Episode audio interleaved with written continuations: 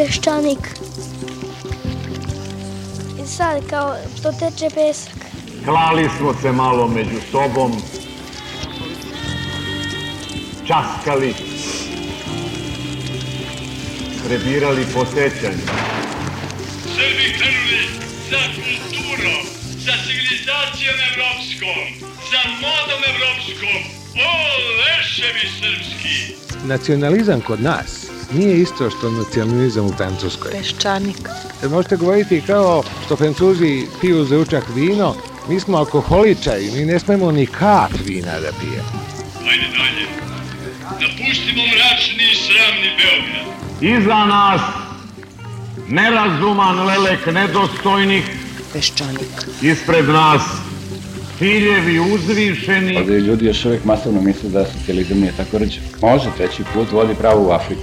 Ekonomski uvek, ako hoćemo tamo, onda smo na pravom putu. Iznad nas zver koja nas vodi putevima gospodnjim.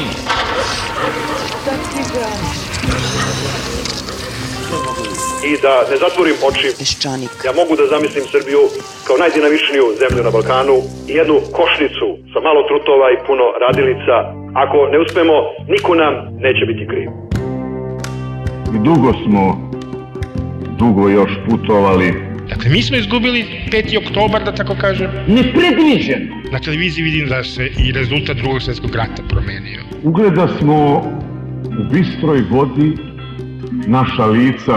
Prema tome, ja očekujem da će Srbija krenuti u nešto novo tek kad pobedi Turke na Kosovo. Iznenada priznu smo u plaću. Peščanik.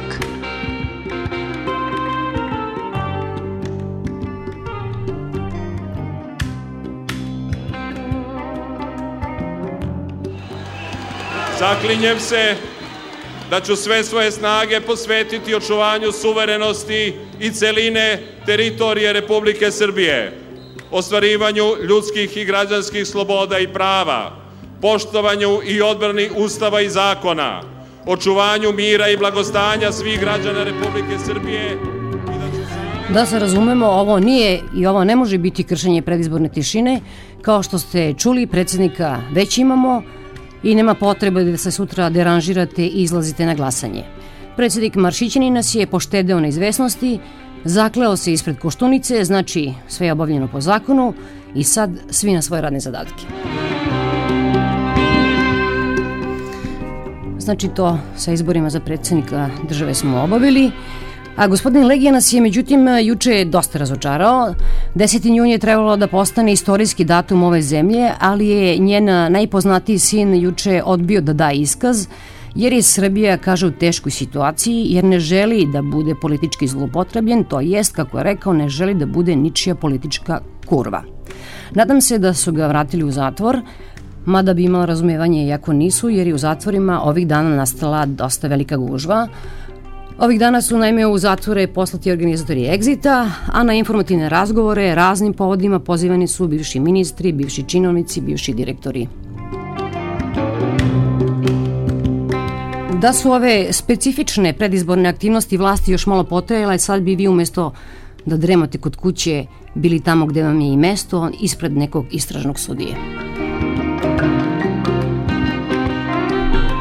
A sećate se one priče da kada su ono komunisti posle rata tokom jednog takozvanog otkupa žita shvatili da žita nema dovoljno ili da su ga seljaci sakrili, stigle iz vrha partije Depeša Jovanu Veselinovu šalji više žita, a ovaj je odpisao ako hoćete više žita, gradite više zatvora.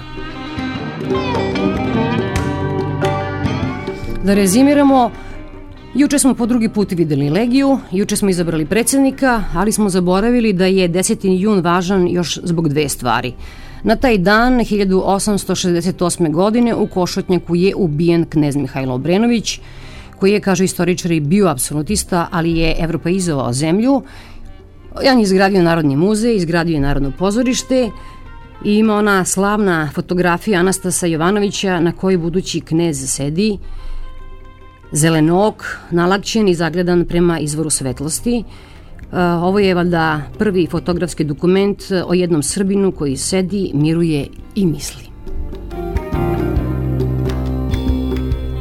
10. Juni, 10. juna je potpisan Kumanovski sporazum kojim je završeno bombardovanje Srbije. Međutim, taj dan je mnogo više od toga.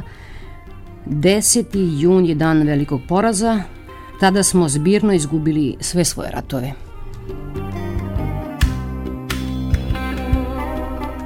Izgleda da se niko nije setio 10. juna. A sada ćete čuti uh, nekoliko vrlo zanimljivih ljudi. Govorili smo sinoć u Narodnoj biblioteci Srbije, a nju nije napravio knjez Mihajlo. To smo nekako sklepali posle drugog svetskog rata. A sada stoji onako neugledna pored one velelepne, velelepnog hrama ali su tamo bili sinoć gospođa Latinka Perović, gospodin Lino Veljak, Vladimir Guati, Olga Popović-Obradović, gospođa Vesna Rakić-Vodinalić I čućete za početak našeg gosta iz Hrvatske, gospodina Lino Veljka, koji je pravio neke paralele između Hrvatske i Srbije i potom uh, odgovor koji mu je uh, uputio Vladimir Guati.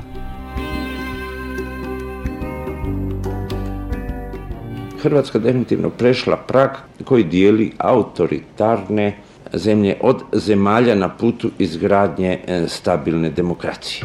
Poznato je da je nakon četiri godine e, vladavine onoga što je neki ekvivalent srbijanskom DOS-u, da je nakon toga došlo do novih parlamentarnih izbora na kojima je HDZ iznova došao na vlast i poznato je vjerojatno to da su se procesi evropskih integracija nastavili, da je Hrvatska postala u potpunosti zemlja koja u potpunosti i bezuvjetno surađuje s Haškim tribunalom, da se stanje popravlja na svim planovima i općenito govoreći, ako se promatraju stvari izvana, Hrvatska za razliku od današnje Srbije koja je proživjela nakon 5. oktobra sve ono što je proživjela i koja se i danas nalazi u e, stanju koje je u najmanju ruku zabrinjavajuće.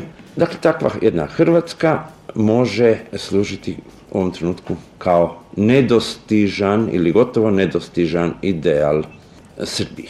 Ispod ove površine leže problemi i konstelacije koje jedva da se razlikuju od onih koje su na dijelu u Srbiji.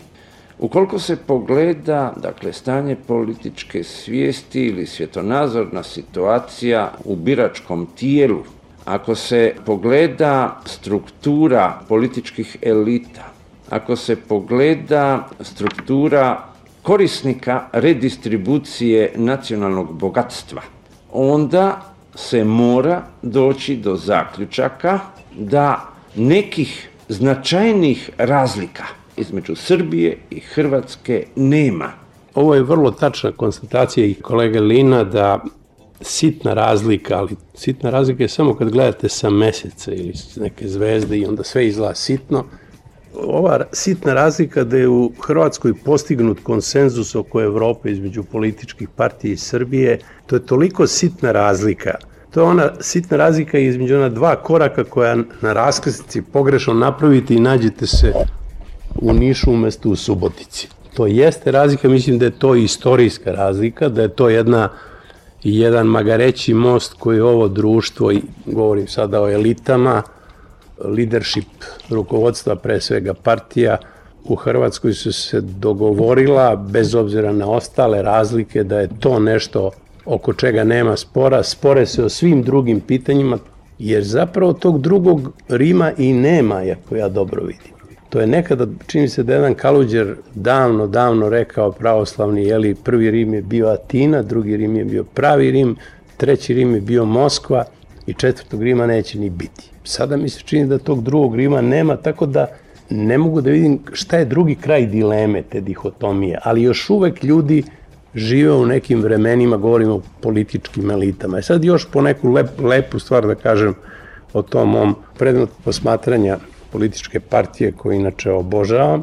Mi smo imali do 5. oktobra ne idealizujući postoktobarsko stanje sa mnogo inače grešaka i, posle, i do dana današnjeg.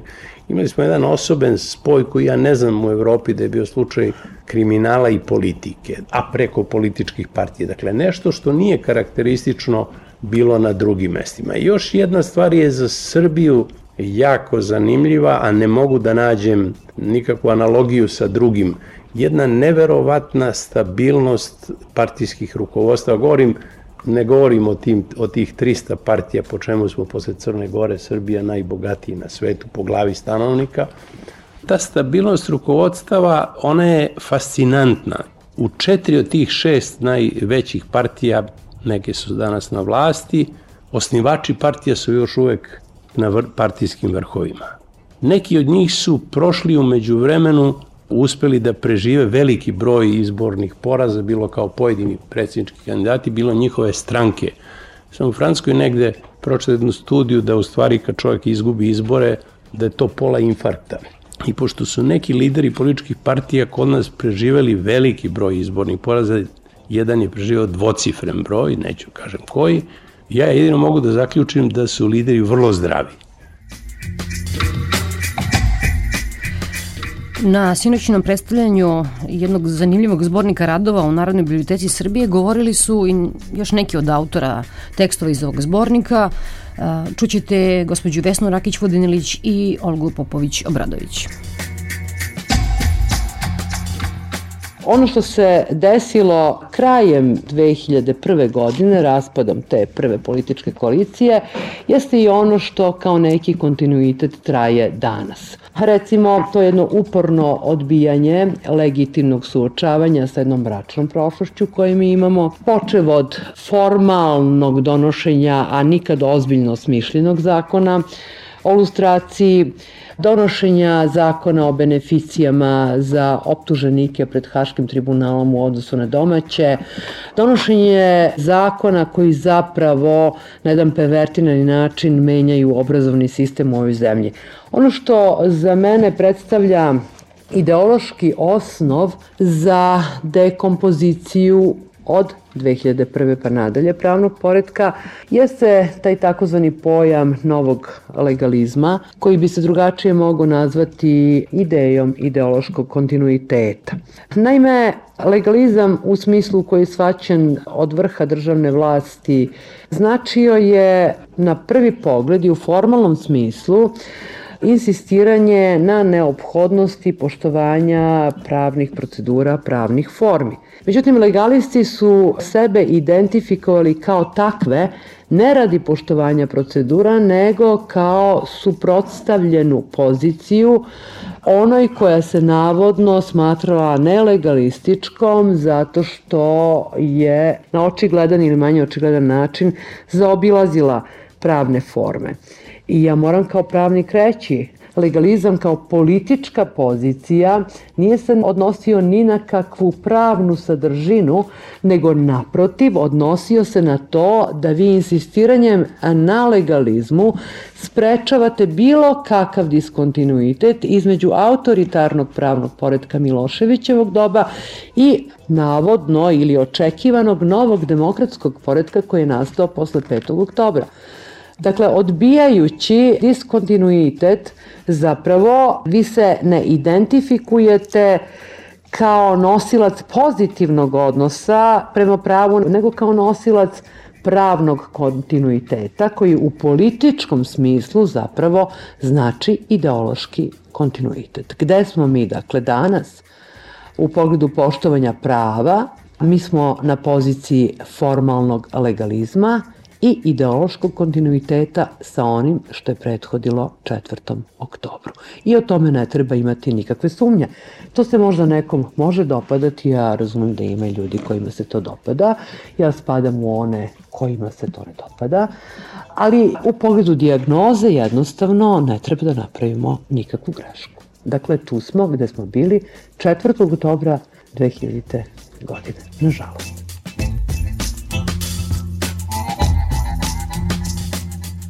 Srpska pravoslavna crkva svoju ulogu u društvu danas vrši u uslovima u kojima je srpsko društvo potpuno razoreno, u kome postoji duboka kriza identiteta i jedan opšti vrednostni vakum. Sve su to ostavili nedavno svršeni ratovi za sobom, a sve to predstavljaju okolnosti u kojima se za crkvu pružaju ogromne, neslučene e, mogućnosti uticanja posebno na mlade ljude.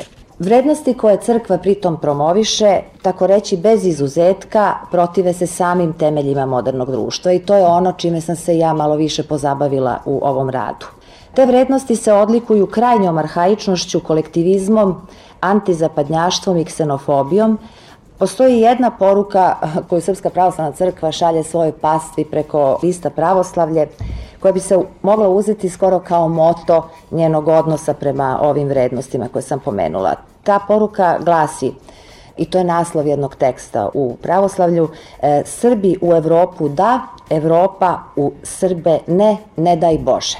Nesumnjivo je da crkva smatra da je za budućnost srpskog naroda i opstanak srpskog naroda nezamislivo, odnosno tragično prihvatanje onoga što Evropa nudi kao standard modernog doba. U tom antizapadnjaštvu Srpske pravoslavne crkve važno mesto zauzima specifična koncepcija društva i države. U toj koncepciji pojedinac se utapa u društvo kao organsku celinu, odbacuje se potpuno individualizam i pluralizam sa njim, uključujući i partijski pluralizam izričito u govorima najviših sveštenika Srpske pravoslavne crkve, a nasuprot tome usvajaju se principi kolektivizma i solidarizma, usvaja se sabornost, nudi se kao formula domaćinsko pravoslavne Srbije. Tu se kao optimalno rešenje predlaže organsko pravoslavna monarhija. Ta formula počiva na neraskidivom trojstvu između Boga, kralja i srpskog domaćina. Istovremeno, Poistovećuje se država i društvo, ne pravi se nikakva razlika između društva i države. Reč je ukratko o modelu koji u celini i sistematski odbacuje same temelje modernog demokratskog društva i države. E, treća karika te vizije je poistovećivanje srpske nacije sa Srpskom pravoslavnom crkvom i time se zaokružuje to organsko jedinstvo koje podrazumeva dakle poistovećivanje države i crkve s jedne strane, društva i države s druge i nacije i države sa treće strane. Patrijarh Pavle je u tome izričit i on, e, objašnjavajući značaj Srpske pravoslavne crkve za srpski narod, kaže doslovce Srbin nekršten to ne biva. Svi srpski ratovi za stvaranje nacionalne države u 19. a posebno u 20. veku ne mogu se objasniti izvan pomenute e, formule crkva, nacija, država, ove formule koju danas crkva veoma agresivno propoveda. Srpska pravoslavna crkva nikada nije priznala takozvane avnojevske granice, odnosno granice, republičke granice unutar bivše SFRJ. Nakon što je dolaskom Slobodana Miloševića na vlast postavljeno državno pitanje Srbije, crkva je sve glasnije počela da govori o neprihvatljivosti tih granica i otvoreno je pozivala na njihovo nepoštovanje, odnosno na promenu u skladu sa etničkim načelom, izričito predlažući podelu Bosne i Hercegovine i promenu granica u Hrvatskoj.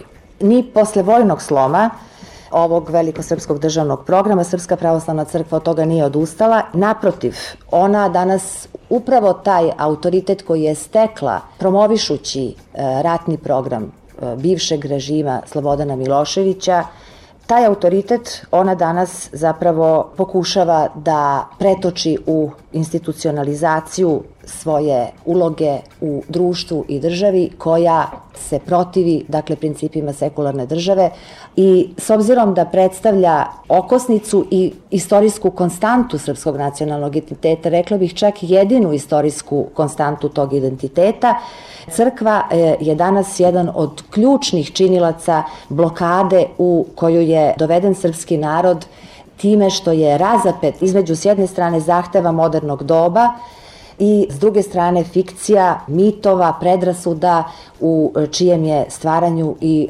održavanju, ali i oživljavanju učestvovala čak možda sa najznačajnijom ulogom sama Srpska pravoslavna crkva. Bila ovo Olga Popović-Obradović, a sada slušate dramskog pisca Biljano Srbljanović.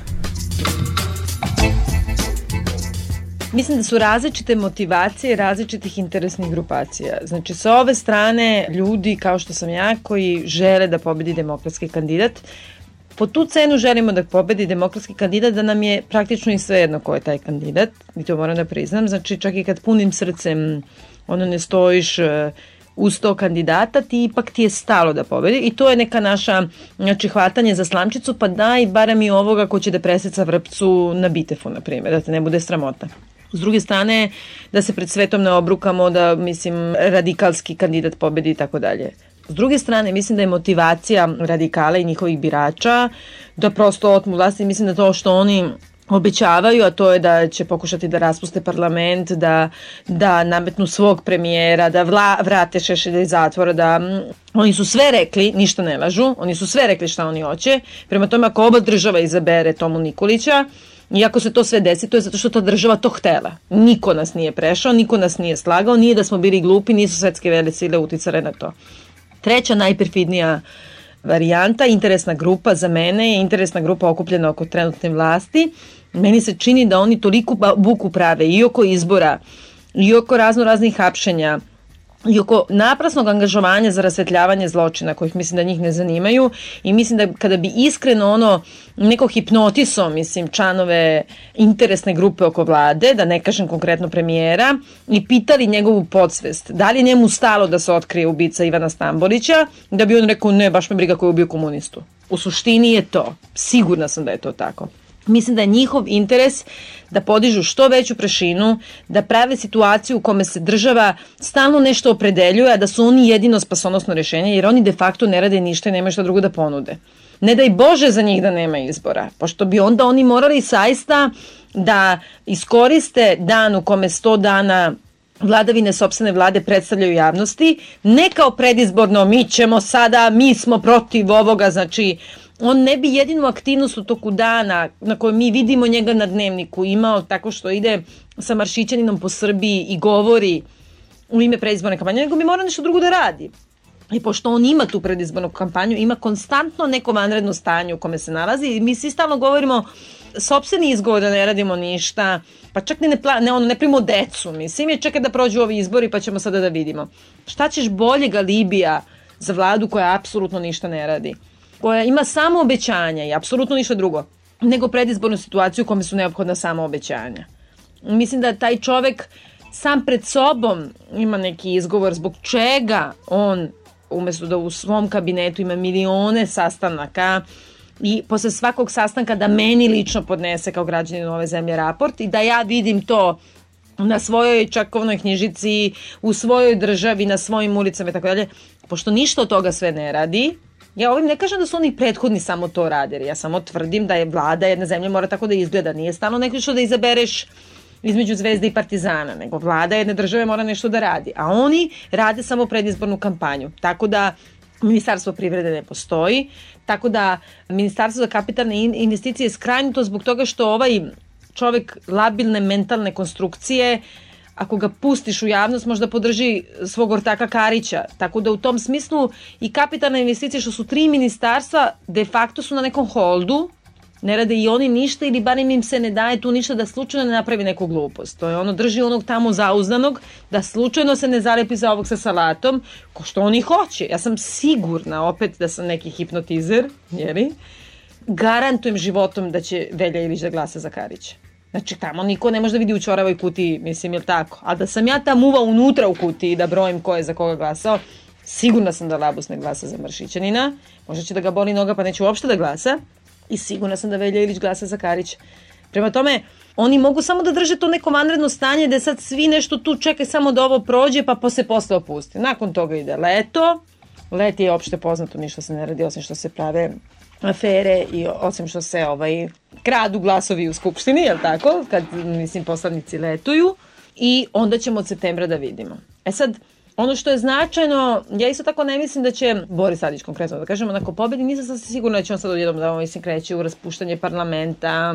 Mislim da je to jedna mala simbolična pobeda i da sad na osnovu toga će pokušati da se rekonstituišu te demokratske snage, da se na neki način stavi neka tačka na to otresanje od tih bivših korumpiranih i na neki na svaki način kompromitovanih ljudi iz bivše vlasti i da se iznutra obnovi ta stranka, da se tu pridruži taj Miću Nović da se verovatno malo više približi građanski savez i da to sad bude neka nova snaga. Znači, ovi izbori su značajni za neku obnovu infrastrukture, demokratske infrastrukture zemlje. U tom smislu su, su važni. Inače, de facto politički to je ništa. U tom smislu može i princeza, mislim, da pobedi i da nam i u svom postizbornom programu priča o tome ko je bio frajer, kao što i priča. Znači, sasvim je nevažno, mislim čak to možda i nije tako nesimpatično da neka operisana žena ide i otvarate izložbe ili na primjer da Vili Savet otvori bit. Mislim to bi bilo simpatično što da ne.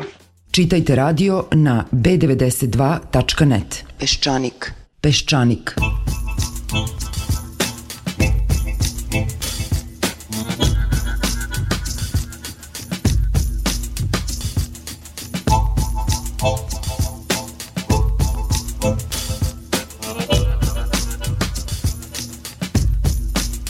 Čitajte radio na b92.net. Peščanik.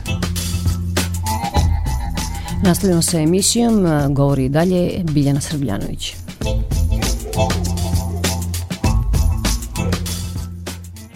Nešto neobično u stvari, ta, ta vlada u stvari niko ni ne očekuje od njih da nešto radi, zbog toga što niko u zemlji ne voli da radi, tako da što bi vlada onda radila. I mislim da je Đinđić de facto bio omražen zbog toga što je insistirao na tome da ne podnosi lenje ljude. Mislim, e on stvarno, mislim da ima neku ozbiljnu netepeljivost prema tome, što je takođe bila njegova greška, ali da ne možeš da budeš premijer jedne države koja je arhilenja, ja ne znam ko je, verovatno su ovi Grci lenjiji od nas, a i oni vala, mislim, nešto mrnuli guzom po uši u tu Evropsku uniju. Tako da ne možeš, to je kao malo i bi, mislim, dajte mi dobar narod pa ću da napravim, mislim, dobru državu. To ne postoji, ti moraš od ovog ovde što imaš da praviš tu pitu. Prema tome mislim da su njega stravično mrzeli zbog toga ljudi, zbog toga što je bio tako, prosto nije bio lenj. Ali mislim da je njegov glavni protivnik ovog trenutka i veći protivnik nego kad je bio živ je, je Koštunica. Zbog toga što Koštunica, po mom ličnom viđenju, ceo njegovu političku misao vodi borba protiv dva mrtva čoveka. Znači, njegov prvobitni angažman, politički i ljudski, je taj da je bio veliki borac protiv Tita pre svega. Znači, ne toliko protiv komunizma, koliko protiv Tita. I ja to čak negde i razumem kod ovih ljudi koji su generacija tog mrtvaca, ili manje ili više, mislim kao Nikola Milošić i ta ekipa, to su neki ljudi koji su imali svoje lične zablude, koji su učestvovali u toj vlasti Tita i u bivšoj Jugoslaviji, pa su iz toga izlazili, pa da su bili aktivni skojevci ili nisu bili, imaju neke svoje lične probleme. Ovako Štunica nema, mislim, znači to nije ni njegova generacija, ali on se čeliči, bori, ljut je na leš. Mislim, koji by the way leš već više od 20 godina to je jedno, to je onako jedan kamen temeljac njegove političke filozofije i njegove ljudske misli i drugi kamen temeljac je taj da je patološki mrzi Leš Zorana Đinđića. Mislim da on toliko nije njega mrzeo dok je ovaj bio živ. Koliko je sada ljut na to da će Zoran Đinđić ostati zabeležen u srpskoj istoriji kao nešto pozitivno, e on to ne može da dozvori. Mislim da sada bi Koštunici, da bi uopšte ostao zapamćen u srpskoj istoriji na bilo koji način, ne znam šta mora da se dogodi osim neke strašne tragedije. Mislim, ne znam na osnovu čega taj čovjek može da bude zapamćen u istoriji. A Zoranu Đinđiću se dogodilo da je ostao zabeležen u istoriji. Zbog toga je prvi potez vlade Srbije bio da skine ime Zorana Đinđića sa web sajta kako da kažem, to nema veze ni sa javnošću, ko ovde ide na web sajtove osim nas, znači ko je taj koji je, pa je nekom javio, vidi, skinuli su, pa smo mi sad svi išli iz te neke, ono, iz nekog zadovoljstva u tome koliko je sve strašno da vidimo kako je, mislim, su oni stvarno skinuli ime tog čoveka, rušili, mislim, ne znam, prosto vršili jednu ekshumaciju. E, to je, ne može biti pozitivna snaga koja te goni obračun sa mrtvim ljudima koji ne mogu da se brane, ni na koji način. I mislim, i nije ni važno više uopšte. I ništa se pozitivno iz toga ne može roditi, osim tvoje lične patološke mržnje. Ta patološka mržnja ne može da vodi državu, to nije ideologija, to nije politička misao, to nije ekonomski program i u kresuću to nije lepo i pristojno. To je prosto odvratno.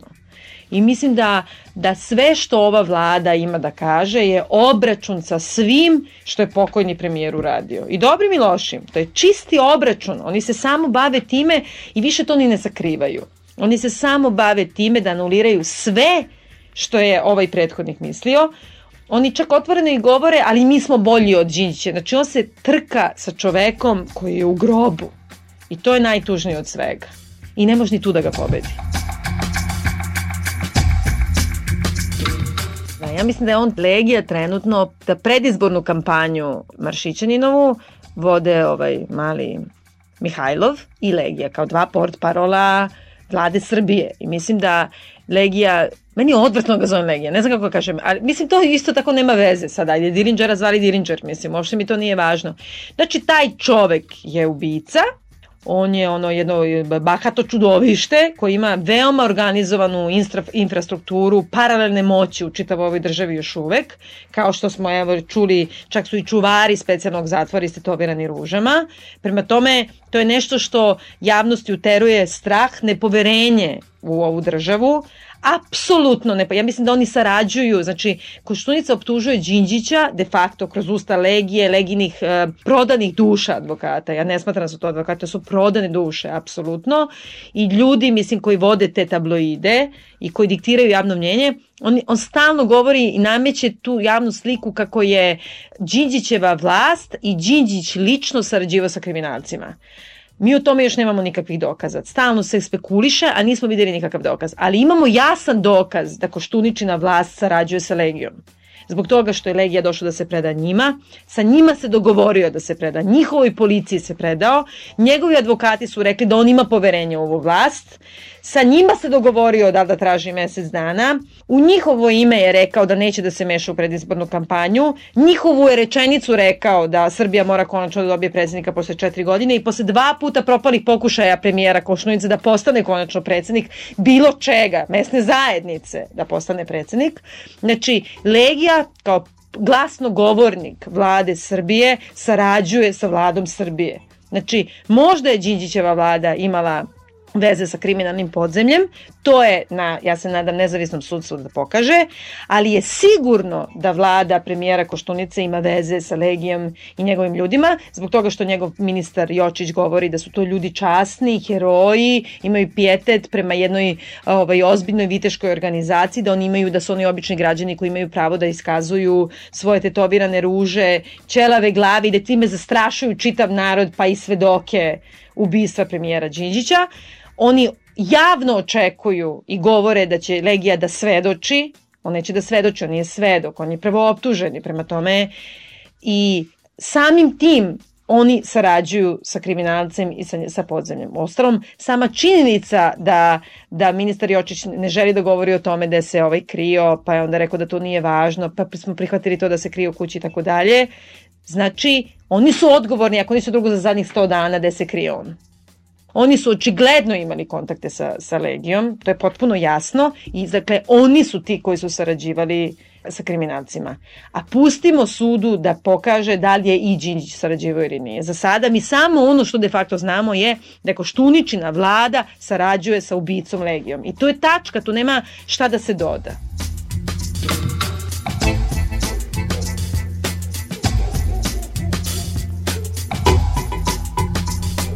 Bilo je ovo Biljana Srbljanovića, sad će, sada ćete slušati jednog dokonog čoveka, Miloša Vasića, bez obzira što je ministar policije rekao jasno i glasno da nema potrebe da se gubi vreme i da se ispituje gde je bio gospodin Legija svih ovih meseci, evo Miša Vasić se nešto zainatio i u posljednjim svojim tekstovima u vremenu pokušava da nam objasni. Ja, ja sam otešla da nam dešifruje ta silna imena koje je nabrojao u svojim posljednjim tekstovima. Evo za, za, za za mene i za vas on je malo uprostio tu priču. Govori dakle Miloš Vasić. To je postalo kao telefonski imenik ti moji tekstovi, ne, pošto tu ima gomila raznih likova za koje mi naravno znamo godinama i koji samo odjednom upadaju i uklapaju se u prethodni mozaik. Ja se setim Tometa Avramskog u jednom trenutku, a znamo da je ta makedonska grupacija mafijaška oko VMRO, dakle oko Ljubeta Boškovskog i, te, i Ljupčeta i, i Tome Bogojevskog i te ekipe upetljena od samog početka. Što sa našim tajnim službama, što sa hrvatskim tajnim službama. I mislim, ono, Ljube Boškovski je, što kaže, zvanična registrovana saradnička veza Hrvatske obaveštene službe HISA u vreme kada je Miro Tuđman bio direktor. I Miro ga je regrutirao praktično i čovek je pol hrvatski državljanin, takođe dupli dakle hrvatski i makedonski, ima neku kafanu u Istri, negde u Balama, a pritom je potpisnik svih apela za ono zaštitu Mirka Norca Ante Gotovine i vidi se da se tu uspostavlja preko njega, preko legijenih vrlo čestih putovanja ovaj, u, u Makedoniju, preko obuke, odnosno instruktorskih usluga koje je jedinica za specijalne operacije davala makedonskim tim lavovima, pa su ih taman tako isto lepo naučili da naprave oruženu pobunu. Ono, mislim, to bilo jasan, rukopis je bio jasan, ali sad zašto sve to? Sigurno nije zbog večitog srpsko-makedonskog prijateljstva, nego je zbog nečeg drugog se kaže Bugarska, Grčka, Makedonija, Kosovo, Beograd, Zagreb. Kogod se promeće na toj liniji automatski je sumnjiv, sumnjiv na drogu, na ilegalne imigrante, na oružje, na kradena kola i sve te stvari. Droga je naravno najveći biznis od svega jer je to ključni put. Tako da, mislim, ta priča, ono, kao legija putovo okolo, kad bude u ponedeljak rekao kako je on išao tamo da se bavi, ono, prikupljanjem obaveštenih informacijama, nemoj molim te, mislim, ono, to me podsjeća cela ta priča sa budućom legijnom odbranom, dakle, da pređemo na suštinu. Na onu priču o Džeparošu koji se brani pred sudom, pa ima vremena u pritvoru. I onda se iznosi strašno ako dugačku, veoma učenu odbranu sa sve jako mnogo latinskih izraza iz, iz onog priručnika dikta et regule juris koji svaki provincijski advokat ima onako umašćeno na stolu, pa latinizmi pa svašta i objašnjava da on nije izđepario čoveka za taj srebrni sat poslovični o kome je reč. I onda ga sudija kad sasluša uredno na kraju pita, kaže, izvinite, kaže, optuženi, a kako objašnjavate okolnost da je žandarmerija našla taj sat u vašem džepu u prisustvu svedoka. A onda optuženi se nasmeši i kaže, izvinite go se sudija, kaže, sve sam to lepo smislio, kaže, samo me taj jedan detalj jebe, taj srebrni sat u džepu. E sad, Legija što god bude ispričao, ima taj sitan detalj Oko, oko ubistva Đinđića ja to smatram manje ili više stvari koja je zapakovana i jasna. Puno je važniji taj detalj koji naš ministar Jočić u svojoj naivnosti smatra beznačajnim, a to je da gde je Legija bio za sve to vreme. Pa gde je bio? Bio kod svojih poslovnih partnera, dobrih drugova, bivših legionara i prijatelja i Legijina putovanja pre 12. marta i posle 12. marta su ključ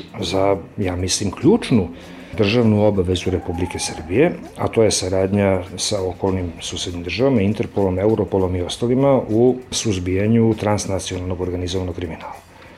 Ne druži se on sa fratrima, mislim, ne, druži, ne ide on u, u Ohrid kod Svetog Nauma. Zna se kod koga ide, zna se zašto ide.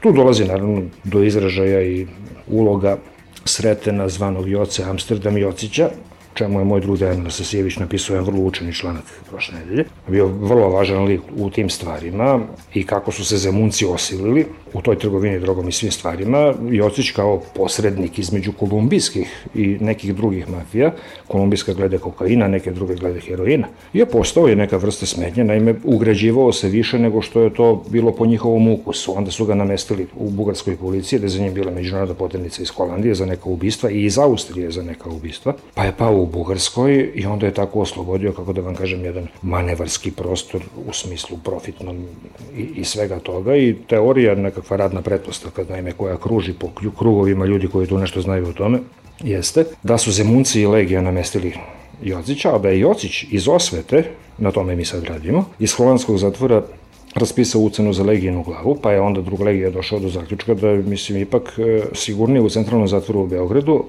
gde ima raznih ljudi koji ga simpatišu, mislim, ne mislim na zatvor, mislim na Beograd, nego se muvati okolo, pogotovo imajući u vidu prirodu i karakter i moralni integritet svojih jataka i poslovnih partnera kod kojih se do sada bio krio.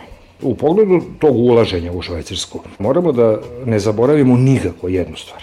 A to je da je bivša služba državne bezbednosti imala stvarno skoro neograničene resurse u pogledu izdavanja raznih stranih pasoša i naših pasoša, naravno, koji, barem ovi naši, zapravo nisu lažni.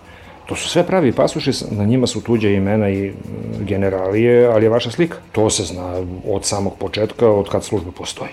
I to rade u osnovnom sve službe na svetu, ne krivim ja ove naše posebno. Ovo zašto ja krivim ove naše, što su takvu vrstu pasoša izdavali kriminalcima, dripcima i ubicama, šta je on još imao od tih pasoša? To možda saznamo, možda ne saznamo. A to je meni puno zanimljiviji detalj od ovih priča da šta će to Legija reći u ponedeljak, pa će onda pasti nebo na Srbiju, što bi rekao Asterix.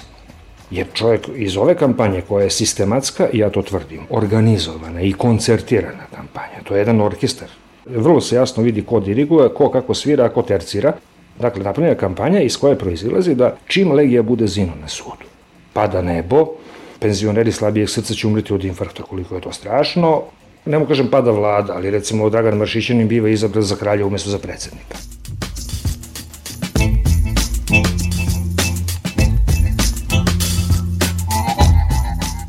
Sad ti jadni DSS-ovci su uložili tolike nade. Ti jadni DSS-ovci su toliko primili na ne znam sve čija obećanja. Obećanja Ace Tomića, obećanja Rada Bulatovića, obećanja Milorada Bracanovića koji cirkuliše okolo i nije u pritvoru da će kao Legija da ih izvadi, da će Legija da im namesti pobedu ne samo na predsjedničkim, nego na svim mogućim ono, idućim izborima. I to sve potiče iz te njihove ideološke predrasude po kojoj je Zoran Đinđić bio zločinac pod A. Pod B, kompletna infrastruktura vlasti vlade Zorana Đinđića, da kako zločinačka organizacija, sve do posljednjeg šefa smene u svakoj stanici milicije. E sad, kad čovjek u to poveruje i kad jednom stekne takav jedan paranoidni stav, onda će ono, svaki blef, svaka ložnjava koja stigne ono iz nadležnih policijskih, odnosno udbaških izvora, a udba se od poslednjih 60 godina se ne bavi ničim drugim nego ložnjavom i plasiranjem dezinformacije, to ima glavni posao, će ih učvršćivati u tom nekom uverenju. Ja sam stvarno danas, to je četvrtak, iskreno sam se nadao da će Legija da odvali neku neopevanu budalaštinu, što nije isključno ni za ponedeljak, kojom će praktično u neznanju i u nehatu iskompromitovati potpuno tu kampanju koja je vođena ne znam, ono da bubne tu priču, ja sam 14 meseci sedeo u kući, po savetu dva visoka oficira policije i da gleda ladnu sudiju. Ono, ajde već jednom i da se to desi da to kolegiju skinemo. A ljudi, mislim, ono, to je bruka i sramota i mene je sramota da je iskaz nekakvog dripca i kriminalca se uzima kao presudni argument u ishodu predsjedničkih izbora u Republici Srbiji. Pa ne, no im ga neka ga vode kući, neka ga abolira budući predsjednik, neka okupe ponovo jedinicu za specijalne operacije. Mislim, radite što znate, ali dajte već jedno skinite nam se, ono, ljudi ako Boga znate. Najčešće se govori da on svedoči, svedočenje... Ne, to, to mi posebno ide na živce, mislim, ljudi, alo, elementarno poznavanje krivičnog procesnog prava je potrebno novinaru koji o tome piše i uredniku koji to pušta. Optuženi ne može da svedoči, osim u drugom predmetu u kome nije optuženi nego svedok. Optuženi iznosi svoju odbranu, a ne svedoči, ali taj termin legija će svedočiti uvode DSS-ovci i vlada. I onda se glupi novinari primaju i ponavljaju, ja znam da sam nekim mojim kolegama iz jednog lista kog sad neću da imenujem nije u redu, nekoliko puta govorio ljudi, aman vodite računa, ne svedoči nego iznosi svoju odbranu. Zašto? Koja je tu razlika? Sva moguća razlika. Optuženi koji iznosi svoju odbranu, upozoren je od strane predsednika, odnosno obavešten da može se brani kako god hoće.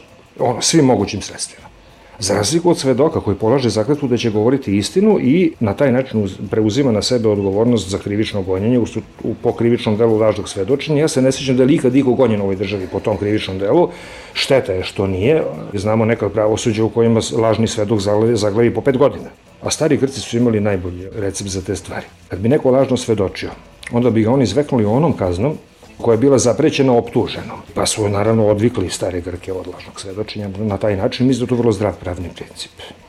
Samo da se vratim na priču, ali da, da me mnogo ne sludiš, ali ne mogu da pratim njegove veze sa Hrvatskom. Da pojednostavim. Tu postoji očita veza od samog početka. I to je veza po mojoj nekoj proceni ide po legionarskoj liniji. Tu čitava gomila likova, uključujući u Makedoniji tog Tometa Avramskog i još neke. A to je ovaj što je... Bivši vlasnik e, makedonskog svedoka, onaj što je zbrisao posle objavljivanja lažnog intervjua s Legijom za vreme varednog stanja. Da se vratimo na Hrvatsku. Hrvatska je, tu je slična Srbiji. Jedna od dve zemlje gde bivši, legi, bivše legionare smatraju za supermene, nadljude, ono, he, heroje i sve ostalo. Pa je tako čitava gomila legionara u Hrvatskoj, negde imam čak i precizan spisak, ono, njih 20-ak, otprilike total, ali recimo njih 20-ak, 7-8, je dobilo generalske činove. U legiji stranaca stranac ne može da ide dalje od narednika. I to, boga mi, posle dva mandata i jako, dobro, do jako dobrih rezultata u službi. Legija je bio kaplar. Ante Gotovina je isto tako bio, ja mislim, kaplar. Ante Roso je dogurao do narednika nakon 20 godina u Legiji. E sad da se razume, zašto neko ide u, legiju, u Legiju stranaca? Sigurno ne ide kao ono iz onih čuvenih filmova iz 20. godina, ono božestione stvari, jel? zbog nesretne ljubavi. On voleo nju, a ona drugoga, pa je onda od muke otišao u Legiju stranaca, se vetlja po Alžiru i Africi. U današnje vreme, boga mi ne samo u današnje vreme, se u Legiju stranaca ide jedino i isključivo, mislim, 90% zbog izbjegavanja krivičnog gonjenja. 10% su mlade budale. Da se setimo samo recimo prvog indokineskog rata 48-53. 90% sastava legije stranaca u Indokini, današnjem Vjetnamu, su činili pripadnici Waffen SS, koji su shvatili legije stranaca jedino mesto da se uklone krivično gonjenje za ratne zločine. Dakle, službeni jezik praktično legija stranaca u Indokini bio nemački. Dakle, da ne idemo dalje. Da ti nekakvi legionari na nekog, na nekog naprave toliki utisak, kao što su napravili na Hrvate i na Srbe. To nikad neću moći da razumem, ali eto, mislim, raznog sveta, jel? Bruno Zulu Zorica pada 98. godine u leto, jer je bio povezan, pa je to bilo zataškano sa nekih 600 kila heroina nađenim na nekom brodu u Rijeci. Centar za obuku specijalnih snaga koji su Ante Rosso, Zulu i još neki ti legionarski likovi držali u Šepurinama kod Zadre bio glavni centar distribucije heroina i kokaina za celu Hrvatsku i to sve u vozilima vojne policije sa sirenom i plavim svetlom. Usputna delatnost pod B bila je trgovina kradenim autima. Dakle, to je jedna stvar koja se, kad ih jednom pustite, on se popnu na glavu, naravno, uvuku se, postanu ono, najveći domoljubi, patrioti i tako dalje. A ja sam i dalje impresioniran nesposobnošću političara i u Hrvatskoj i u Srbiji podjednako da shvate pravu prirodu ljudi sa kojima imaju posla. Pominjam si malo pre Acu Tomić, ja sam skoro, ne znam da si video, bilo je serije tekstova u novostima. Da, čitao sam vrlo pažljivo te njegove intervjue po novostima. Sve šta radi Aca Tomić? Aca Tomić primetio je trenutak da rehabilituje sebe, mada ne verujem da su te njegove detonacije po novostima pravljene sa nekakvom, bog zna kakvom političkom ambicijom. Kad neko uvati pa podgreje aferu četvorožilnih kablova, mislim, ono, tri godine kasnije, ali ljudi za ime Božjega afera je rasvetljena potpuno i jasno. Se treba počinjemo od početka, mislim, sa Beban sve prisluškuje dobro jutro. Vidio Koštunično pismo? Celu noć nisam mogao da spavam ono koliko me je potresalo Koštunično pismo Aci Tomiću. Dok je bio u pritvoru, naravno, da. Jadan čovek. Nije njemu bilo lako, ono, najbolji drugovi sede u pritvoru, a Saša Tinić ide okolo i viče, sad će i tebe vojo, sad će i tebe vojo. Nije to mali strah. Dragi Aco, Radetu sam napisao da mi teško pada ovo pisanje. Tebi mi je još teže da pišem, jer mislim da se nas dvojice baš u čutanju razumemo. Nismo slučajno zemljaci. Mene pre svega muči to što znam da si utamničen zbog mene. Neki misle da se njihovo beščašće ne vidi sada kada si sklonjen. Greše, vidi se još više. Znam da znaš da činimo sve što možemo i da smo uporni. Molim te da izdržiš upravo zbog tebe samog, zbog imena koje nosiš i ugleda koji imaš. Prava reč bi bila slava, ali znam da ćeš se na nju namrštiti. Uzdam se u tvoju stamenost i upornost i u tvoj inat. I iskreno se nadam da neće proći mnogo vremena pre no što se ponovo vidimo. U Beogradu 4. juna 2003. tvoj Vojislav Kuštunica. Ja ne očekujem nekakva žešća ubistva, mimo uobičajene, standardne i neizbežne statističke prakse. Organizovani kriminal, bez obzira na sve, iako drastično smanjen posle sablje, funkcioniše. Tu postoji sad ta dinamika, kad isprazniš iz bare krokodile, dolaze novi krokodili i sad tu dolaze do, kako kažem, konkurencije, jeli, borbe za monopole i ostalih komercijalnih poduhvata. Ali ne, ne, ne očekujem nešto ovog tipa kao što je ubistvo recimo Duška Jovanovića u, u Podgorici. Ne, tako nešto ne očekujem. Na svu sreću većina glavnih umetnika je ili izabrave ili u bekstvu ili mrtva. Tako da ćemo se mi tu malo načekati još. Dok se to konsoliduje, a to je sad u rukama policije i bezbednostno informativne agencije, da taj smanjeni nivo kriminaliteta i tog ovog najtežeg održe na, na nekakvom nivou koji je razumno podnošljiv u nekakvoj državi. To se može učiniti samo tako da se odseku političke veze i krupna korupcija. E, tu će biti velikih problema sa političkim vezama, manje, ali sa krupnom korupcijom u policiji, tužilaštvima i pravosuđu pre svega. E, to je ono gde će vam svako od njih u intimnom razgovoru u četiri oka priznati da mislim tu nailazimo na počev od onog da tužilac uzme krivičnu prijavu, zaključi da nema mesta krivičnog gonjenju, gurne u fioku, pa do raznih malo ovako nezgodnijih stvari, da se neko pusti iz pritvora, ono, slučaj Bagzi, na primjer, nije to bilo jedino, pa na kraju do aktivnih mera kao što je ovo zatvaranje klinaca iz egzita na, na 30 dana pritvora, gle mater mu Bagzija nisu ni 7 dana uspeli da zadrže. I to radi ista žena koja je jurila i apsila od poraša po Novom Sadu. Ima tu politički ugao uvek, kad se setim tog egzita, mislim. Ljudi, mislim, ovi klerofašistički krugovi vrište na taj egzit od prvog dana. I na kraju je neko pomislio da je sad došlo vreme da napravimo sebi kod Svetozara Milotića i Justina Filozofa politički poen time što ćemo buapsimo dva klinca. Moram da citiram mog druga Nenada Čanka, kaže da su, da su palili džamije ne bi sedeli u pritvoru. I kad mi se Mikavica u Novom Sadu toliko obraduje dejstvu pravne države, meni sve jasno. A kad je trebalo videti ko je pravio haos 17. marta po Novom Sadu uveče, tu još niko nije u pritvoru pisao. 17. mart je ovako poslužio jedino kao do sada kao odličan izgovor da se jedan vrlo sposoban šef Beogradske policije šutira u Kušumliju. I to je jedin rezultat 17. marta. I naravno, poen Tome Nikolića koji nosi ove što je za svaku pohvalu u predizbornoj kampanji, jeli i predizbornu čutanju koji nosi kompjutere mufti. I eto, mislim, eto nama 17. marta.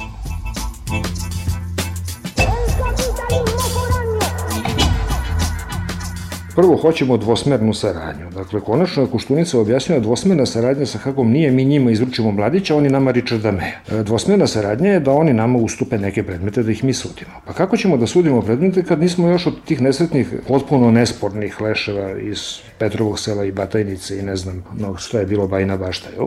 Nismo uspeli da se mrnemo. Nismo uspeli da se mrnemo od braće Bitići, koje je ovako slučaj, kako da vam objasnim, veoma dobro zadokumentovan, što kažu drugovi policajci. Pa to ništa nije bilo i na kraju nekakvi socijalisti i ova ta ansijen režim takozvani pričaju o izmišljenim kladnjačama. Moj savjet je da odu u batajnicu, da zavuku nos u rupu i da pomirišu da li su izmišljene ili nisu izmišljene. Osetit će vrlo dobro.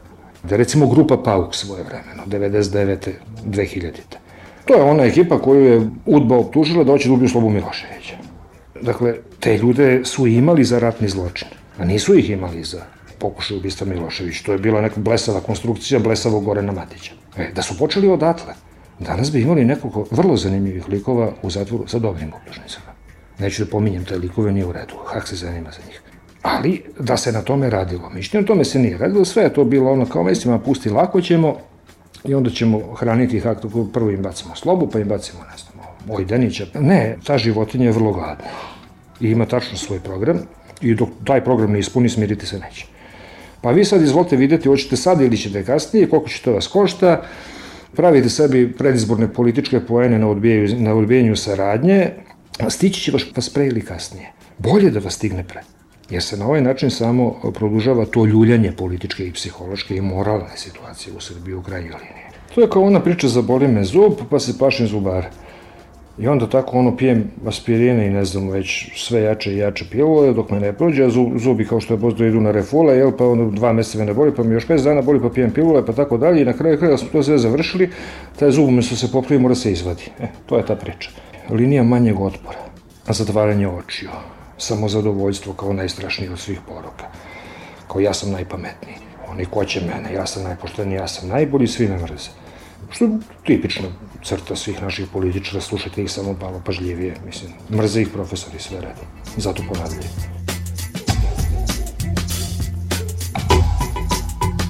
Peščanik, repriza subotom od 16 do 17.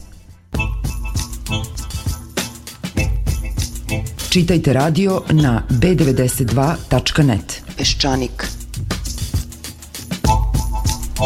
Ove nedelje dogodio se, kako se to kaže, tranzit Venere, to jest mala crna senka je prešla preko sunca.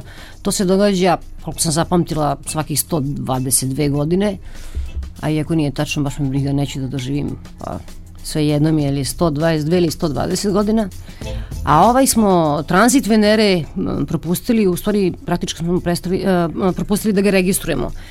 Onako kako smo osluđeni ovih dana, propustit ćemo i smak sveta ali Nikola Vitas neće. Nikola Vitas je astrofizičar, izučava, koliko sam mogla da ga shvatim, svemirsku klimu, a radi kao asistent na Prirodno-matematičkom fakultetu. Ispostavilo se da poznajemo njegovu mamu, Ispostavilo se da je stiglo vreme da pričamo sa decom naših saboraca s početka 90. godina. Znači, ostavilo se. Nikola Vitas govori.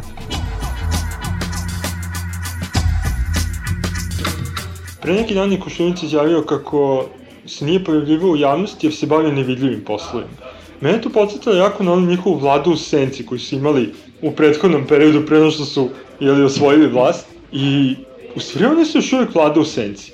Oni se tako ponašaju, kao da mogu da kažu bilo šta i tako bez ikakvih posledica na nečiji život. Kao oni, oni se bave nečim nevidljivim, nečim... A u stvari, naravno da svi trpimo posledice njihove politike ili nedostatka politike, zapravo i nedostatka bilo kakve ideje kuda će, kuda će ova zemlja ići. Jer ova vlada je definisana isključivo negativno. Oni su i dalje definisani kao nekakva opozicija prema mrtvom Đinđiću. Znači ne možeš da kažeš šta oni hoće, možeš da kažeš samo šta oni neće. Oni neće politiku prethodne vlade. To ne može niko da vodi, mislim, mi smo u čabru, ono, Srbije u Čabru, to je, fizičari to zovu potencijalna jama.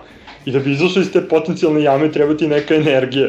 Ili možeš eventualno u kvantnoj mehanici da protuneliraš kroz tu potencijalnu jamu, ali ovo nije kvantna mehanika, ovo, ovo, je, ovo je realnost. Pa i ta priča Evrope, o, o Evropi je potpuno potrošena. Dakle, oni ti sad obećavaju, ako uradimo to i to, mi ćemo ući u Evropu. Pa najveći optimisti kažu ući ćemo u Evropu za 10 godina. Za tih 10 godina Evropa će biti ko zna gde. Ti standardi Evropske unije koje treba ispuniti da bi se postalo član Evropske unije, s jedne strane brane Evropsku uniju od novih članica, ali s druge strane brane i slabije zemlje od Evropske unije. I ako bi danas nekim čarobnim štapićem se spojila Srbija sa Evropskom unijom, ja mislim da bi Srbija nestala u roku od, od tri meseca, mislim, svi bismo emigrirali, da ne pričamo o privredi i, i o svemu ostalo.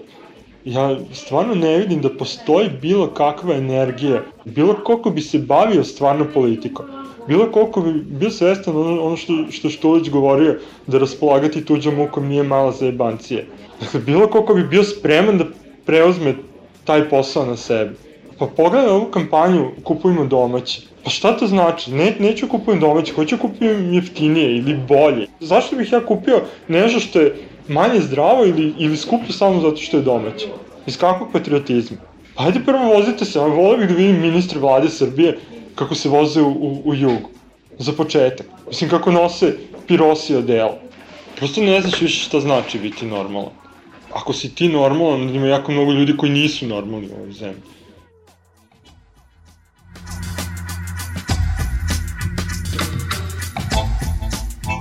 Kada je rat počeo, ja sam imao 17 godina, sećam se onih aviona koji su leteli nad Beogradom, idući za Hrvatsko ratište. Sećam se nek, neke večeri u Tašmajdanskom parku, gde sam kroz tako neke oblake, onako niske, ne prave beogradske naranđaste, naranđaste oblake sluša te avione koji onako zloslutno lete negde gore po, po nebu. To je nešto prvo čega se sećam iz te, iz te priče.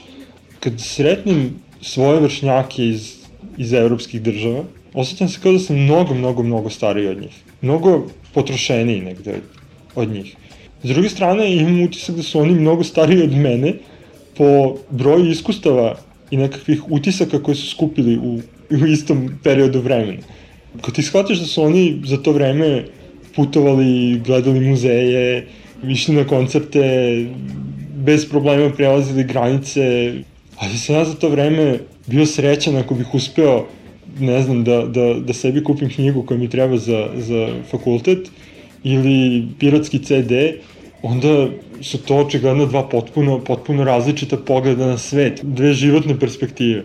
5. oktober je bio jedno popodne. Pre tog jednog popodneva mi smo živjeli u 10 godina totalne destrukcije. Ali destrukcije svega. Ne mislim tu samo na ratove, ne mislim tu na školstvo, na zdravstvo, mislim na to da smo mi propadali, da nije bilo adekvatne zdravstvene zaštite, da ljudi nisu išli kod zubara, da nisu imali pare da kupe pastu za zube, pa su im se zubi kvarili, da su propadali kućni uređaj, nama je crkao frižider 90 i neke, pa smo živjeli 6 meseci bez frižidera. To je nešto što apsolutno ne možeš da zamisliš ako nisi na, na zapadu, ako nisi, ne živiš u skvotu ili ne znam u kakvoj, mislim, ako nisi beskućnik. Sve je propadalo. Čitavo to propadanje ne može za jedan dan ili za jedno popodne da se, da se poništi. To su stvari koje su nepovratno upropašćene. Proces nekakvog saniranja toga je strašno dug I to je ono što je meni bilo zadivljujuće u vreme one dosovske vlade, dakle, Đinđićeve vlade, zadivljujuće mi je bila brzina kojom su se neke stvari obnavljale, kojom si ti odjednom došao u situaciju da sad odeš kod zubara i normalno da kod zubara ima anestezije. Pa ne znam, odjednom se pojave neke strane knjige u knjižarama. Sad je opet, kao da se ponovo strašno usporava sve, kao da ponovo padamo u nekakav nekakav san gde se samo trošimo, a praktično ne živimo.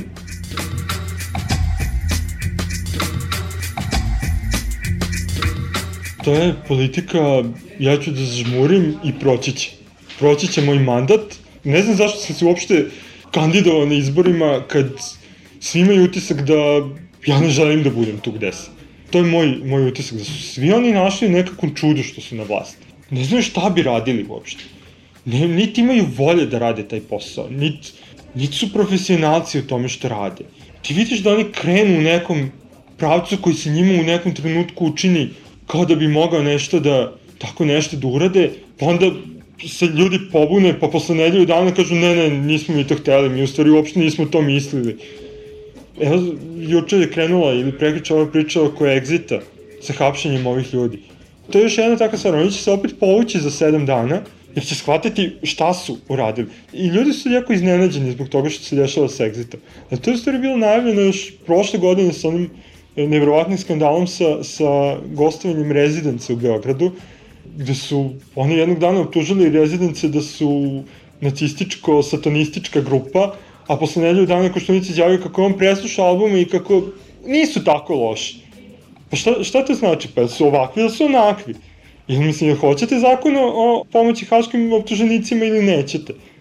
Ili hoćete exit ili nećete? A ta priča o exitu me jako boli i zbog cele ove priče o klincima ovih novih generacija koji su prošli kroz, koji su odrasli u tom vremenu ratova, jer taj exit kakav je daje sa svim svojim dobrim i lošim stranama, predstavlja neko mesto gde su ti klinci osjećali normalno, gde su se osjećali delom nekakvog sveta, gde su dolazili neki ljudi iz sveta da ih zabavljaju, gde su dolazili ljudi iz susednih zemalja da se sa njima zabavljaju i kažem, u sve mane exitove, taj exit predstavlja nešto strahovito pozitivno u ovoj zemlji.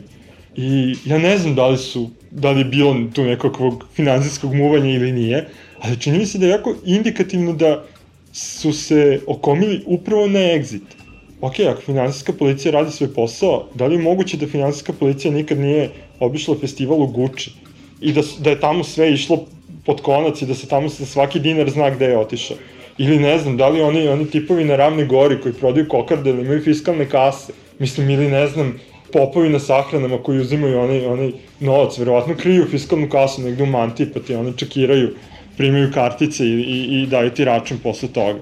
Ja nisam čuo da ikada finansijska policija se zainteresovala za neku od tih institucija, jer, mislim, kažem opet, ja ne znam šta se dešavalo sa Exitom, ne usuđujem se da govorim da tamo nije, nije bilo nikakvog muvenja, ali sam bio na Exitu tri put i znam da je to jedno jako, jako prijatno mesto i da je mnogim ljudima to predstavljalo zaista nešto, nešto jedno od onako pozitivnijih događaja događaja u životu i da su stvarno kao što je na reklami stalo planirali svoje godišnje odmore prema, prema vremenu i terminu održavanja tog festivala. Jel, to, je, to je deo cele priče. To je deo i one kobasicijade ko, gde su ljudima dok su jeli kobasice zvonila mrtvačka zvona. Mislim, to je isto ta priča. Da se vratim na ovu priču o Exit. Ova država daje garancije haškim optuženicima da mogu da se brane sa slobode. Ali ista ta država je uhapsila dvoje klinaca koji organizuju muzički festival i nije im dala da se brane sa slobode zato što bi mogli da utiču na svedoke. Mislim, šta će da radi, da im pravi sa čekuše i da ih ubijaju po ulicama, potencijalne svedoke ili, mislim, a istovremeno garantuješ za nekoga koji je optužen za genocid da neće uticati na svedoke. Ili da će biti dobar građanin koji će se u, u miru svog doma spremati za odbranu pred, pred sudom. Ti apsolutno polaziš od toga zašto bi im davalo, davalo garancije. Zato što polaziš od toga da su svi oni nevini. Ne samo da ti smatraš da su oni nevini, nego nekako smatraš da je sve to deo nekakvog kružnog sna koji je prošao i koji želiš da zaboraviš i to je, to je kao kad, kad slušaš danas kako se priča u Srbiji o političkoj korektnosti. Pa ti neko kaže, ne, politička korektnost je takva i takva, to je loša stvar. Ok, ja razumem argumente da je politička korektnost loša i jedna krajnje deprimirajuća stvar u Americi gde postoje određeni standardni, pa je to došlo kao nekakvo lažno opterećivanje ljudi da se, ali u Srbiji u kojoj imaš toliko premlaćenih pripadnika svih manjinskih grupa, gde ne smeš da kažeš ni da si vegetarijanac, ni da si rom, ni da si... Najmanje što možeš da uradiš je da budeš makar politički korektan.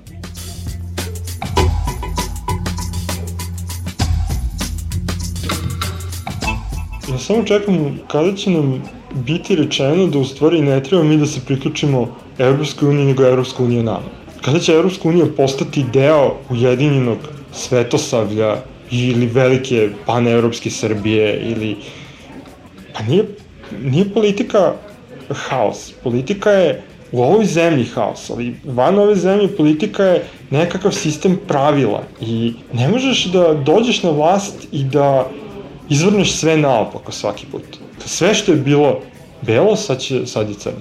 I svaki zakon koji je donesen u vreme prethodne vlasti je loš. Svaki zakon koji smo mi doneli je dobar. I kraj priče. Najveći šov je što se ti zakoni uglavnom ne primenjuju. Dakle, ti ćeš promeniti zakon, ali nisi radio ništa.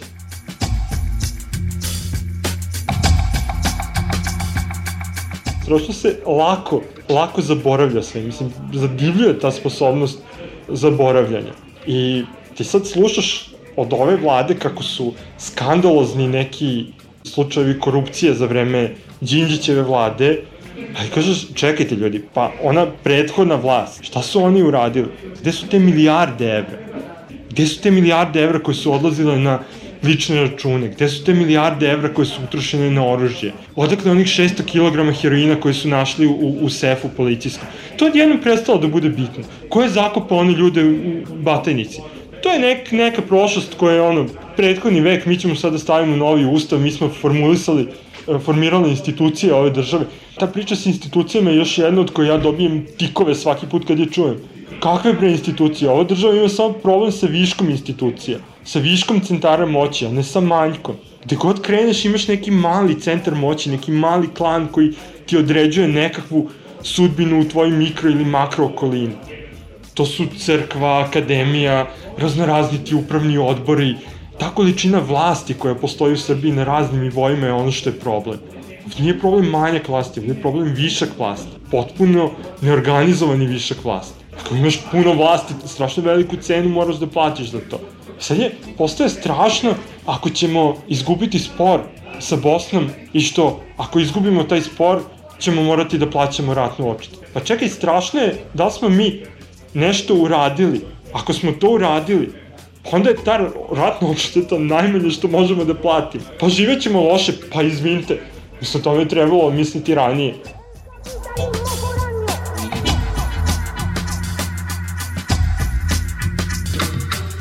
Negde 90. godina sam u nekoj od tih faza kada sam ozbiljnije razmišljao o odlasku odavde, plan mi je bio da se motivišem na taj način što ću zapisivati svakog dana po jednu stvar zbog koje treba otići iz ove zemlje. Po jednu stvar koja me tog dana iznervirala. I onda posle trećeg dana sam shvatio da bi to oduzelo sat vremena svakog dana, jer tih stvari ne znaš šta da izabereš prosto. Pa mislim, svaka vest je neki razlog zbog kojeg ti ne bi želeo da živiš u ovoj zemlji. Jedno vreme, zaista ja sam se osjećao kao da su stvari unormalile. Prolazilo je po par dana da ti ne padne na pamet jedna stvar zbog koje bi ti želeo da budeš negde drugo. U poslednje vreme, opet kad uključiš vesti, opet te bombarduju ti razlozi da, da, da odeš odavde. Pre neki dan sam s prijateljicom sedela, nešto smo zajedno radili i na stolu je stajala knjiga, ne znam više koji naslov, sa Đinđićevom slikom na koricama. I u istom trenutku smo pogledali te korice i jedno drugom, onako, u istom trenutku rekli, ne mogu da zamislim da je ovaj čovjek mrtav meni i dalje to čudno mi je. Ne, ne mogu da shvatim da je, kad vidim to lice, ne mogu da povežem to lice sa tim metkom koje je tog čoveka ubilo. Za vreme Đinđićeve vlade mnogo toga nas je nerviralo. Pre svega nas je nervirao taj njegov pragmatizam, koji je često bio, pa recimo, preteran ili... Ali, isto tako, za vreme te vlade smo ja mislim, svi osjećali da nešto se kreće. Njegova smrt je bila nekakav... Njegova smrt je diskontinuitet. Jedan potpuni diskontinuitet. Jedan prekid, strašno nagli prekid te nade koju smo imali. Mislim da smo posle toga posle toga svi počeli ponovo da se plašimo. To je neko osjećanje koje, neko kao da smo bili zaboravili neko vreme i koje se vratilo kao bumerang i ponovno slušaš o nekakvoj nasilnim smrtima, o nekakvom o nekakvim ljudima za koje ne želiš da, da ne da ne želiš da znaš za njih, ne želiš da postoje. To je ono što je neko izgovorio posle 5. oktobra, posle Đinđićeve smrti. Dakle, ono što smo mogli da trpimo 10 godina, više ne bismo mogli da trpimo ni 5 minuta. To je to osjećanje koje mislim da se uvuklo u sve ljude posle Đinđićeve smrti. Pa neće valjda opet.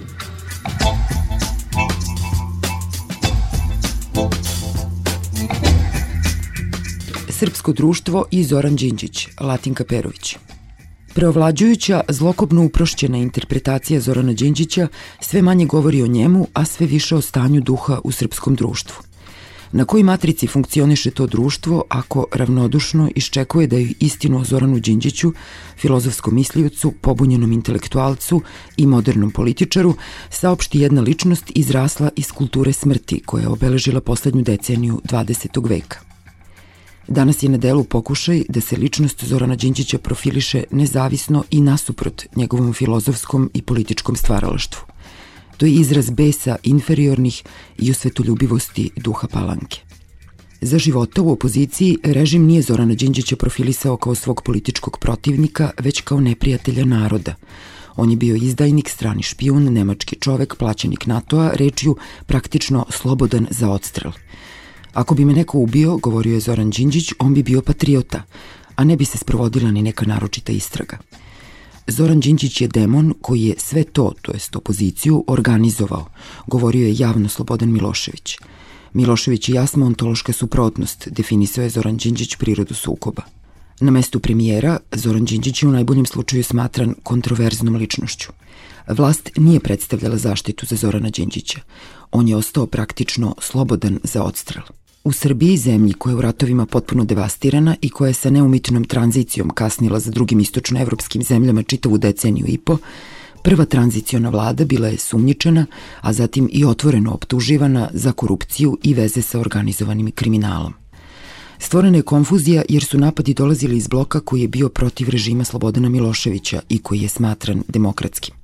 Upravo to je optužbama dalo uverljivost. Zoran Đinđić je bio svestan toga i govorio je – Demokratska stranka Srbije je dosta vešta u klevetama i to i za manastirske ozbiljnosti.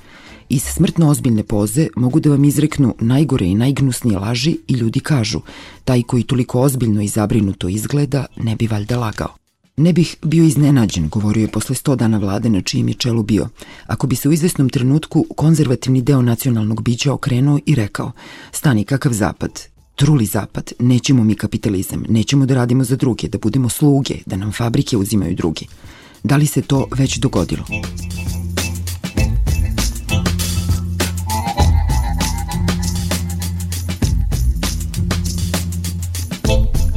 Kao što se sećamo, na jučerašnji dan pre pet godina slavili smo kraj bombardovanja Jugoslavije. Spikerka RTS-a nam je objasnila da je to još jedna pobeda miroljubive politike Slobodana Miloševića.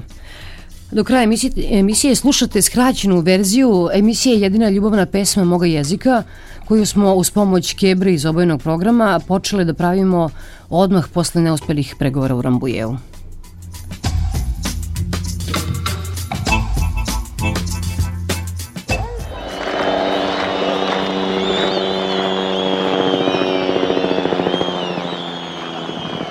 Besa je data reč, ali je тај елемент исклучивости е веома велик кога албанаца. Значи, кога даеш бесу, онда е то нешто што е више од твог живота и така. Беса без. Бесу сам ти дал за Косово со живот така.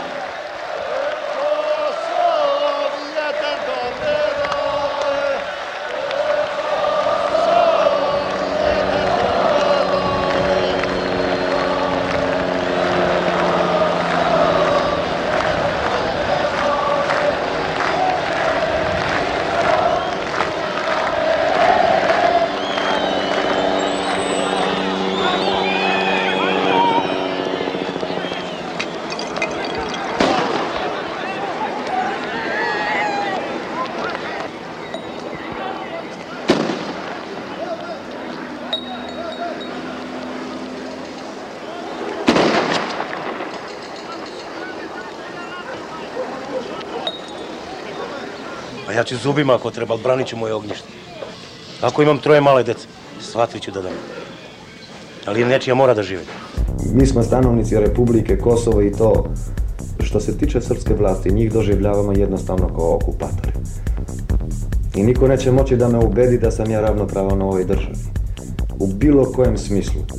Bilo kojem. ja po svojem ubeđenju sam neki pacifista, veliki. Ali kad čovjek razmisli, bolje je užasan kraj nego užas bez kraja. A ako mora pasti krv, nek padne. Dobar dan, slušate Dnevnik radija B92. Tu su žene dobile hleb i vodu, a muškarci patine. Ubijeno preko 20 srpskih civila. Albanaca, među njima jedna žena, ubijeni u samom Ubijeno gradu. najmanje 17 Ubili, a palili. Poginulo najmanje četiri policajca i pet Albanaca. Dela. Jedan čovjek je pokušao da digne glavu i odmah je dobio udarac kundakom. Na Kosovu jedan mladić srpske nacionalnosti ubijen, dvojica ranjena, 17 pronađena i tela trojice ubijenih Još uvek se ništa ne zna o sudbini 21 lica.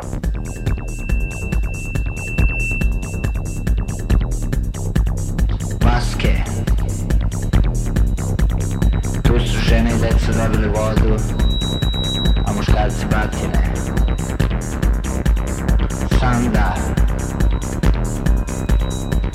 Junik. Poginulo je sedam naoruženih albanaca. Maske. A novinari su ispod jednog traktora pronašli leš muškarca 40-ih godina. Na nekoliko mjesta, na sred ulice ležela je mrtva stoka.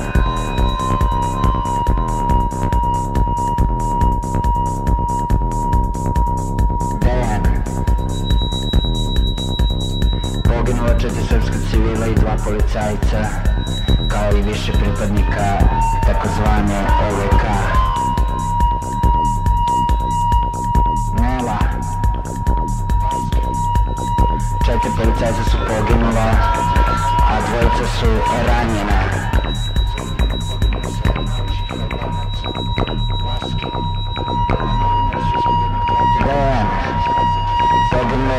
Policajaca i dva vojnika, a povređeno više od deset pripadnika MUP-a Srbije.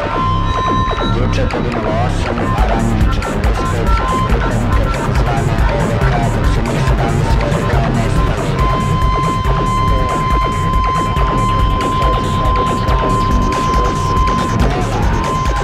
Poginulo četiri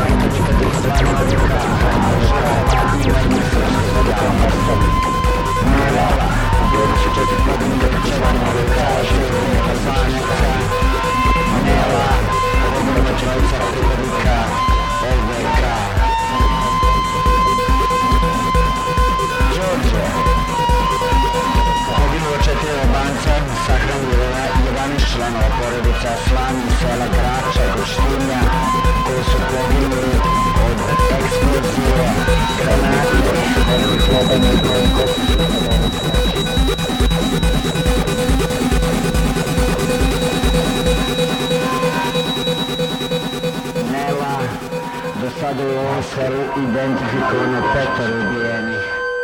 ili trupe ili bombardovanje. A kad ga pita čovjeka zašto bombardovanje, nema odgovora. Kaže mi nećemo bombardovati. A i mi kaže i mi nećemo bombardovati. Onda ko će? odluku o proglašenju nastupanja neposredne ratne opasnosti E, hlađeni su mi rekli da u 7 očekujemo napad. Generalni štab Vojske Jugoslavije obaveštava jugoslovensku i međunarodnu javnost da je večeras u 20 časova NATO pakt izvršio agresiju na Saveznu republiku Jugoslaviju.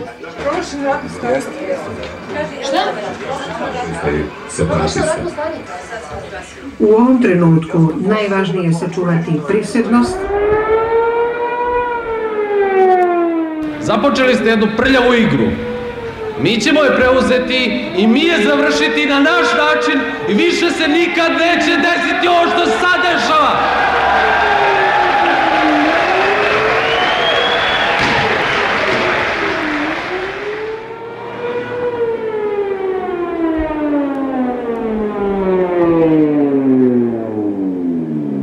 Neka noćas Milošević da ostavku, pokažite mi, recite mi ime čoveka koji će smeti da potpiše odcepljenje Kosova, a da ne bude ubijen tu noć. Dobar! Mnogo smo jaki! Jebote! Mnogo smo jaki! 45. njega je primila partija, a s vojskom je ušao u trs. Sada ulazi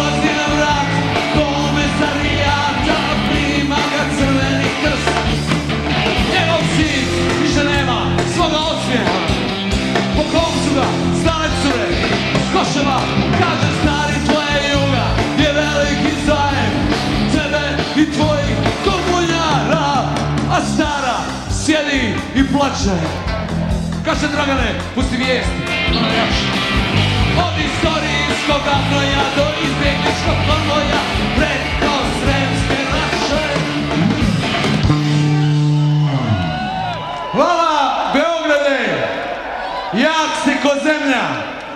Drži Jugoslavija Jugoslavija Jugoslavija Jugoslavija Jače Beograde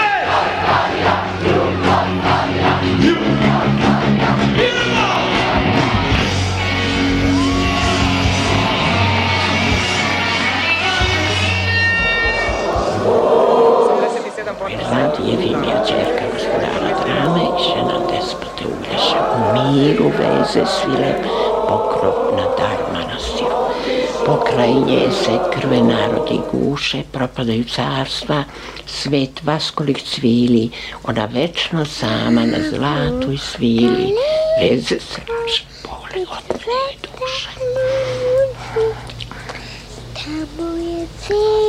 Vekovi su prošli zaborav pada, a još ovaj narod kao nekad cvili, to su divni stihovi. I čas što cvili naš narod. On roj, a ma mirë shtyje ditët të ky vend i humbur i botës, ku s'ka jetë dhe ku s'ka dritë. Natës së erët eci, natës së sklavarisë. Snage koje dolaze na Kosovo bit će u službi mira, bez obzira iz kojih zemalja dolaze. Vojska uvek izvršava svoju komandu, a ovde je komanda zaštititi građane i očuvati mir. Ali mi dolazio Zoran Anđelković. Zamolili smo ga da nam da evakuaciju, on je rekao ja ću da se trudim izdržiti ovu noć, Biće najteža noć, mi se spremili, čekamo autobuse, autobuse nigde. čeka da autobuse. I autobuse nikad nisu došli više. On jedan kao predsjednik svaka čas. Bože da ni ga Bog poživi sto godina. On je doveo da ko ni vrati dole. Po šatore, po šatore, nema šta. Dva brata mi je ostavljao, ba dva poginu. Nisu teli da izbegnu, izginuli. Čovjek ne spasio da ni izginemo i svaka čast njemu jednome. Drugo ni jednome. Samo Miloševiću. Bože da ni ga Bog poživi. Niste ni donijeli sliku pa ovdje da mu zalijepimo. Sve će ove zemlje što su nas bombardovale snaći velika kriza od Boga. Ne mora od naroda, od Boga, ali oni ne znaju, oni ne veruju u Boga. Bog je jedan, ali važno da je Bog Srbin. Srbin. Čist Srbin. Slava, slava,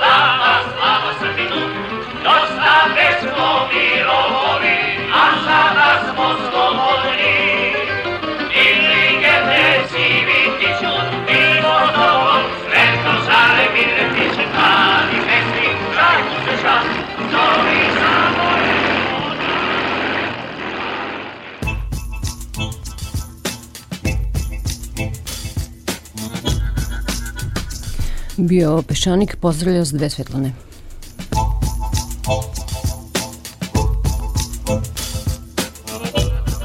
Peščanik, repriza subotom od 16 do 17.